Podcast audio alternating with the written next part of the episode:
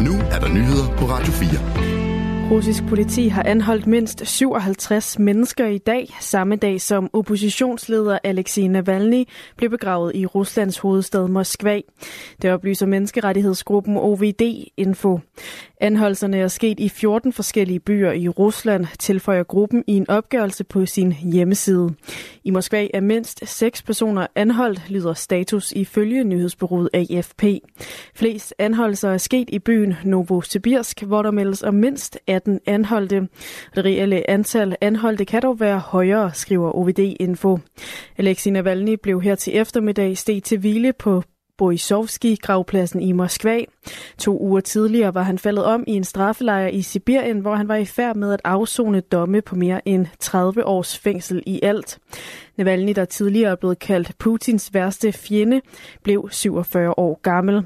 Og tusindvis af støttere var mødt op foran den kirke, hvor ceremonien fandt sted i dag for at vise deres støtte til den afdøde politiker og aktivist. Også ambassadører fra flere lande, herunder Danmark og USA, var til stede ved kirken. Tidligere på ugen advarede Ruslands regering mod at gennemføre uautoriserede protester i forbindelse med dagens begravelse. Det var aldrig Danish Crowns hensigt at vildlede forbrugerne. Så lyder det fra virksomheden efter, at der i dag er faldet dom i en meget omtalt retssag mod Danish Crown om vildledende markedsføring. Svinekødspakker blev tilbage i 2020 udstyret med markatet klimakontrolleret gris. Det skete uden at der var styr på dokumentationen, slog Vestre Landsret i dag fast.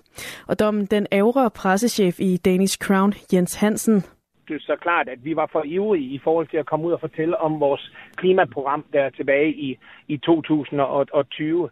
Og, øh, og det ærger vi os øh, selvfølgelig, øh, selvfølgelig over. Det har aldrig været vores hensigt at, at vildlede forbrugerne.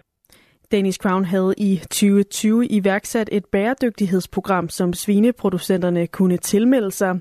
De kunne iværksætte forskellige tiltag for at skabe en grønnere produktion, men det blev ifølge landsretten ikke fuldt op af en uafhængig kontrol, og svinekødet blev derfor påført markatet klimakontrolleret gris, før det var fastslået, om den enkelte landmand havde opnået sine opstillede mål.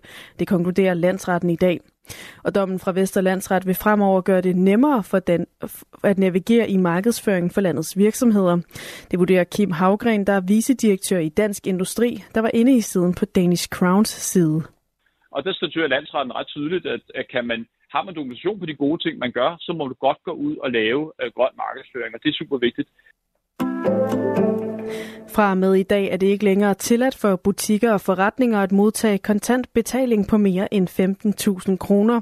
Det skriver mediet Finans.